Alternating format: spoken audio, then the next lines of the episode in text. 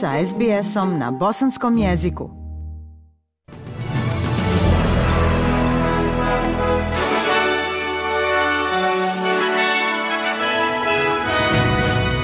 U današnjim vijestima poslušajte. Demonstranti u Gani traže da predsjednik podnese ostavku. Ukrajinski predsjednik Zelenski odbija vjerovati u tvrdnje Irana o dronovima. I u sportu danski teniser Holger Rune u finalu Paris Mastersa igra s Đokovićem. Slušate vijesti SBS radija na bosanskom jeziku. Stanovnici u poplavama pogođenim zajednicama Novog Južnog Velsa polako se vraćaju kako bi procijenili štetu, dok voda u nekoliko gradova unutrašnjosti dostiže vrhunac. Rijeka Lahlan u Forbesu dosegla je jučer oko 10,7 metara, što je malo manje ispod rekorda iz 52. godine. Poplavne vode u gradu, koji je zbog zatvaranja puteva praktično presječena dva dijela, se povlače. U razgovoru za ABC glavni nadzornik državne službe za vanredne situacije Ashley Sullivan kaže da je grad doživio poplave koji su izazvale velike posljedice. Posljedice u ovom gradu su ogromne, ima puno naplavina. Možete vidjeti iza mene da je voda još uvijek izuzetno visoka i vjerovatno će ostati visoka tri ili četiri dana prije nego što se počne smanjivati. Opadanje vode je sporo. Pokušat ćemo ući što je prije moguće da izvršimo procjene štete. Imamo ljude spremne da pomognu u operaciji čišćenja, što je neophodno nakon ovako velike poplave. Vijesti iz svijeta.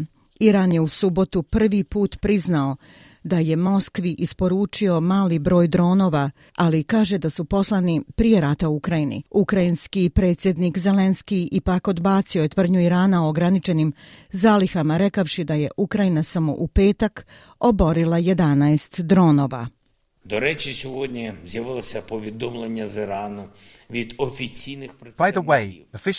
Званічні іранські представниці су данас об'явили сообщення. Одлучили су да признаю да су испоручили дронове за руський терор ali lagali su i u ovom priznanju. Mi obaramo najmanje 10 iranskih dronova dnevno, dok iranski režim tvrdi da ih je navodno dao malo prije početka invazije. Samo tokom jučerašnjeg dana uništeno je 11 njih. Zelenski kaže da svijet treba da istraži savez između Irana i Rusije. Posljednjih sedmica Ukrajina je izvijestila o porastu napada dronovima na civilnu infrastrukturu, posebno usmjerenih na elektrane i brane, korištenjem bespilotnih letjelica Shahed 136 iranske proizvodnje.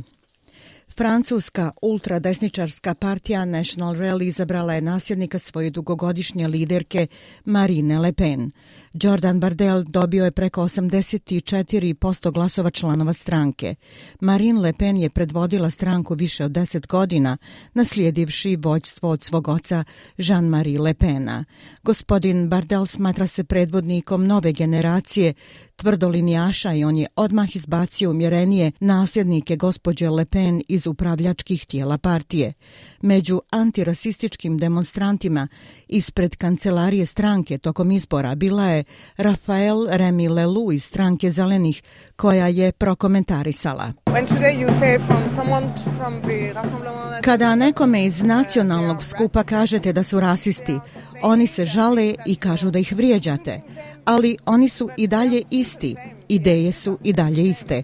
Ono što žele, žele postići je isto, a mi moramo biti u stanju da uzvratimo i da kažemo da se ovakav način razmišljanja i politike veoma razlikuje od onoga za što se mi zalažemo. U Gani je preko hiljadu demonstranata marširalo glavnim gradom Akrom u pozivu na ostavku predsjednika Akufo Adoa. Demonstranti okrivljuju predsjednika za rekordne cijene goriva i hrane. Odjeveni u crvenom, demonstranti su uzvikivali a Kufo Ado mora otići i MMF ne u vezi s predsjednikom koji pregovara s Međunarodnim monetarnim fondom. Ganska valuta je ove godine naglo pala za više od 40%, što je dramatična promjena u poređenju s drugim valutama u zapadnoj Africi. Demonstrant Rafael Williams objašnjava zašto je izišao na proteste. has failed and we are asking him to resign. On nije uspio i mi tražimo od njega da podnese ostavku. Visoka povećanja cijena goriva ubijaju narod Gane i tražimo da podnese ostavku. Ako Akufo Ado, koji je predsjednik ove republike, ima imalo poštovanja prema sebi, on treba da poštuje ustav zemlje i da poštuje glasove ljudi.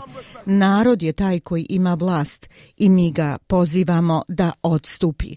Prema Svjetskoj banci, četvrtina stanovništva Gane živi s manje od 2 američka dolara dnevno.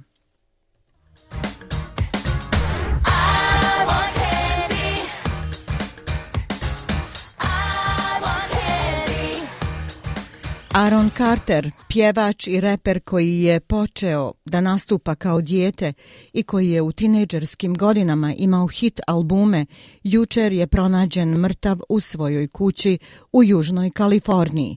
Imao je 34 godine. Predstavnici policije su odgovorili oko 11 sati nakon izvještaja o hitnoj medicinskoj pomoći, kaže zamjenica Aleksandra Para iz odjela šerifa okruga Los Angeles. Ona je rekla da su pronašli preminulu osobu u rezidenciji, ali nije mogla odmah potvrditi da se radi o Carteru.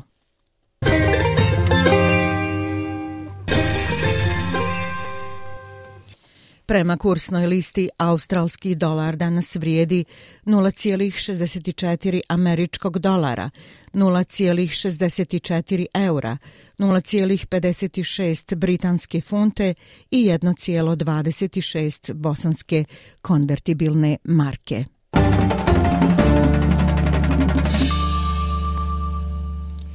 I vijesti sporta, Holger Rune je rezervisao svoje mjesto u finalu Paris Mastersa nakon dominantne pobjede nad Felixom Ožeom Aliasimeom.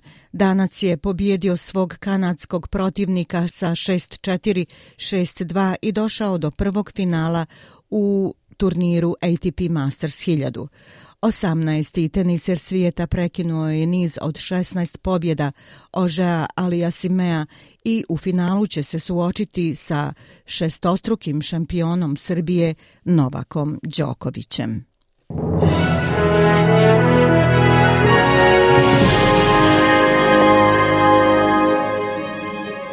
I na kraju vijesti poslušajte temperaturne vrijednosti za veće gradove u Australiji.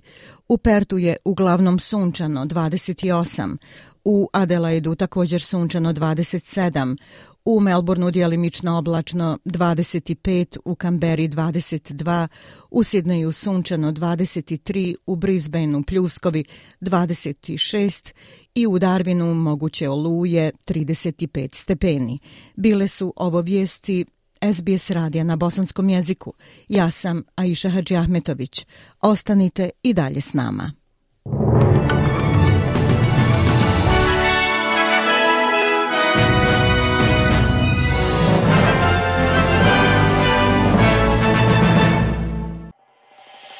SBS na bosanskom. Podijelite naše priče preko Facebooka.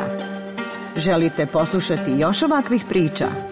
Slušajte preko Apple podcasta, Google podcasta, Spotify ili kako god da primate svoje podcastove.